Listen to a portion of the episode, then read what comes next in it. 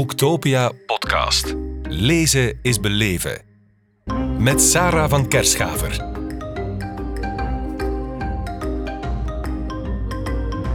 Linus van Laren, welkom in onze podcast hier op Boektopia in Kortrijk. Dank u wel. Je schreef het boek Zorgen zonder je hart te verliezen, uitgegeven bij Lano Campus. Dus vertel, hoe kunnen we zorgen en toch ons hart bijhouden? Is dat moeilijk? Ik denk dat het uh, niet zo evident is Ja. Uh, voor mensen die in de zorg werken als professional, maar ik denk ook als mantelzorger. Je wil het zo graag zo goed doen. Mhm. En um, ik denk dat je in de zorg onvermijdelijk voor uh, soms moeilijke keuzes komt te staan. En dat kunnen ook heel kleine keuzes zijn. Ze hoeven niet groot te zijn om heel zwaar te wegen. Kun je eens een voorbeeld geven van zo'n keuze? Ja, um, zo'n keuze zou kunnen zijn... Um, bijvoorbeeld... ik was nog op weg aan het wandelen met iemand van, met wie ik uh, heb samengewerkt in ouderenzorg. Mm -hmm. En zij vertelde gewoon um, over haar zoon die uh, pubert. En tegelijkertijd maakte ze de link met een bewoner in het woonzorgcentrum die um, vroegtijdig aan dementie leidt en die uh, stiekem rookt op zijn kamer. En ja, ze zei, ze maakte de vergelijking van ik moet mij tegenover die bewoner gaan gedragen als tegenover mijn eigen puberzoon. Ja, ja, ja, ik moet hem gaan controleren of dat hij niet stiekem rookt. En ik moet zijn, ja, en ik moet zijn kamer. Um, ja, je zegt nee, ik heb niet gerookt. En dan vraag ik, mag ik eens kijken of er hier nergens sigaretten te vinden zijn? En dan vindt ze er altijd en dan moet ze die berispen. Een medebewoner heeft die man al stiekem zien een peuk naar buiten gooien in mm. deze dorre zomertijden of warme zomertijden. Dus bijna brandgevaar. Dus ja, ze moet het doen. En tegelijkertijd voelt ze zich er heel slecht bij. En dat is zo'n kleine, maar moeilijke keuze. Moet ik mij gedragen uh, zoals tegenover mijn puberzoon, maar het gaat hier wel over een 70-jarige man die bankdirecteur is geweest, die, Mhm. die, een, die, die, die ik niet wil behandelen als mijn puberzoon. En toch moet ik brandveiligheid kunnen garanderen. Dat is wat ik dan in het boekje een dilemma noem. Ja. Hè? Ja. En um, waarvan ik ook zeg van het is goed dat dat wringt. Want als het niet wringt, dan ga je die man inderdaad behandelen, zonder erbij na te denken. Of zonder dat het wringt, ga je die man gewoon benaderen als jouw puberzoon. En doe je hem misschien wel onrecht. En tegelijkertijd wil je natuurlijk en moet je natuurlijk die brandveiligheid garanderen. Maar dat is een keuze. En hoe ga ik daarmee om? En uh, laat ik het zo wringen dat ik zoek naar een manier waarop ik beide kan verzoenen. Waarop ik die man niet moet behandelen als een puber en tegelijkertijd brandveiligheid kan garanderen. En dan, komen ze, dan kwam zij uit bij een e-sigaret bijvoorbeeld. Oh. En dat is wel mooi en fijn, maar um, dan moet het wel eerst kunnen wringen. En dan moet je het wel kunnen zien als een moeilijke keuze die je daar moet maken. En dat, dat bedoel ik dus. Het zijn niet altijd heel grote keuzes op leven en dood, hoewel we die in coronatijd ook wel tuurlijk. hebben gehad. Zeker, Ja. zeker. Ja, en hoe kies je goed? Hè? Welke dilemma's pak je op welke manier vast? Daar help jij bij. Je geeft een aantal handvaten. Um, je doet dat als zorgethicus. Mhm. Wat doet een zorgethicus? Ja, een zorgethicus denk na, denk ik, um, over hoe dat we de zorg um, warm kunnen houden. Ja. Dat is uh, voor mij de essentie. En hoe ik als zorgprofessional mijn, mijn zorg met voldoende goesting kan blijven doen, zoals men hier in West-Vlaanderen zegt. Ja. Uh, onderschatten we dat, denk je? Hoe moeilijk het soms is voor een zorgverlener om ja, dicht bij zichzelf te blijven en ook ja, goed genoeg voor de patiënt te kunnen zorgen en voor het algemeen belang. En hoe dat, dat kan wringen en wat dat, dat als kost kan hebben? Ja, ik denk dat wel. Ja. En, en ik um, geef ook les aan verpleegkundigen en vroedvrouwen in opleiding. En ik merk soms hoe ze al anders afstuderen dan dat ze binnenkomen in de opleiding. Dus er begint vanaf het eerste moment in de opleiding al een soort proces. Mm -hmm. Die wij professionalisering noemen. Waarbij dat vreselijk wordt. Vreselijk wordt, ja. want, want, want er gaat ook wel wat af van de spontaneïteit die jonge mensen hebben.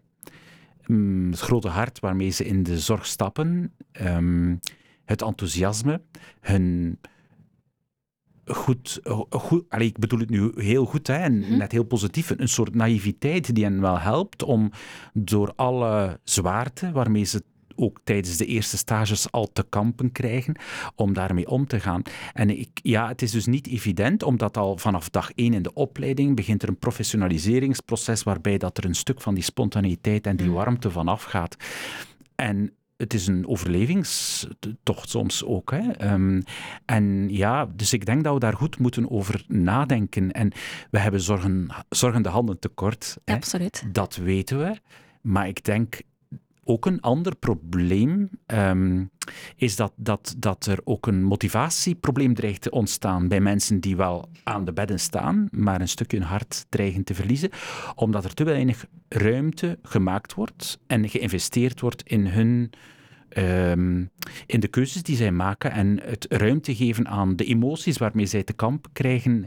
En um, ja, ik denk dat daar bewuster moet mee omgegaan worden vandaag. Ja. Zelf heb je ook ervaring met zorg bieden, met je hart openstellen en toch niet ja, jezelf te veel verliezen in de zorg. Je hebt een zoon met autisme.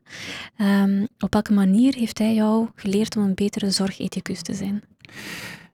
Ja, dat is een heel goede vraag.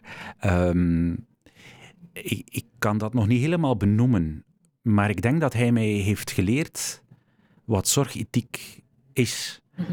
En um, zorgethiek is eigenlijk een feministisch georiënteerde ethiek, um, die uh, gaat over um, ook ethische problemen benaderen, niet altijd vanuit het verstand, maar vanuit het hart mhm. en vanuit ja, je buik en je hart. En ik denk dat hij mij dat vooral geleerd heeft, dat de, het omgaan met ethische vragen en dilemma's, van die te benaderen vanuit mijn hart en vanuit wat er op het spel staat en wat ik, vanuit wat ik voel wat er voor mij op het spel staat. En ik denk dat dat voor mij de trigger was om dit boekje te schrijven. Het dilemma waar hij ons door corona mm ook voorgesteld heeft, of hij niet, hè, maar corona ons voorgesteld heeft met hem. Hij zat in een leefgroep, hij moest ofwel naar huis komen voor periode X, um, ofwel moest hij daar blijven en mochten wij hem niet gaan halen. Um, dus ja, dat was een heel moeilijk dilemma. zeer zwart-wit? Zeer zwart-wit. En, um, en wij konden dat thuis niet aan om hem volledig bij ons te, te laten komen voor een onbekende periode. En uh, we hebben dan hem daar een paar weken gelaten, gelaten en we zijn hem dan gaan halen. Ja, en dat was voor ons de enige keuze die we konden maken. Maar toch worstel je met, hebben wij hier het goede gedaan? Ja. En daar bestaat geen antwoord op. Uh, je kan alleen goed luisteren naar je eigen hart en, um, en blijven spreken met elkaar. Uh, en er is een heel moeilijke periode geweest, die corona. En ik denk voor heel veel mm. mantelzorgers en zeker ook voor professionals. Um, maar het, het heeft mij wel de voeten uit geleerd dat je soms moet kiezen met je hart en dat daar geen zuivere, objectieve, rationele argumenten voor te vinden zijn. En dat je in die modder moet gaan staan en vanuit je hart keuzes maken, constant en met elkaar in dialoog moet blijven, met elkaar in verbinding moet blijven, vooral met elkaar de ruimte moet openen om te zeggen wat je voelt. Ja. En ik denk dat dat het, het, de, de, de trigger is geweest om dit boekje ook te schrijven, omdat ik voelde dat we die weg van het hoofd naar het hart en terug, ook in de zorg, mhm. professionele zorg, meer moeten durven maken. Ja. Raakt dat voor jou aan wat jij noemt wankelmoedigheid? Ja, ja. dat denk ik wel, ja. ja. Dat is de moed om, om te wankelen, om het niet te weten, om, om ergens in het... Uh, het onbekende te stappen en dat ook te durven doen. En um, ja, dat denk ik. Ik vind dat trouwens een heel mooi, mooi woord. Prachtig woord, absoluut. Is ja. dat al in de Vandalen of uh, ga je dat lanceren? Ik denk dat het er al in staat, ah, maar misschien nog niet met die uh, betekenis die ik graag geef. We gaan jouw boek daar dan netjes proberen tussen te schrijven. ja. Zorgdragen schrijf je ook, je raakt aan troost bieden. Kun je dat uitleggen? Ja. Ja, um, ik denk dat er, zoals ik ook net zei, dat er voor, voor die moeilijke keuzes, die ik ook dilemma's noem, dat, daar geen, dat is het eigen aan een dilemma, er bestaat daar geen juist antwoord op. Je lost die ook niet op.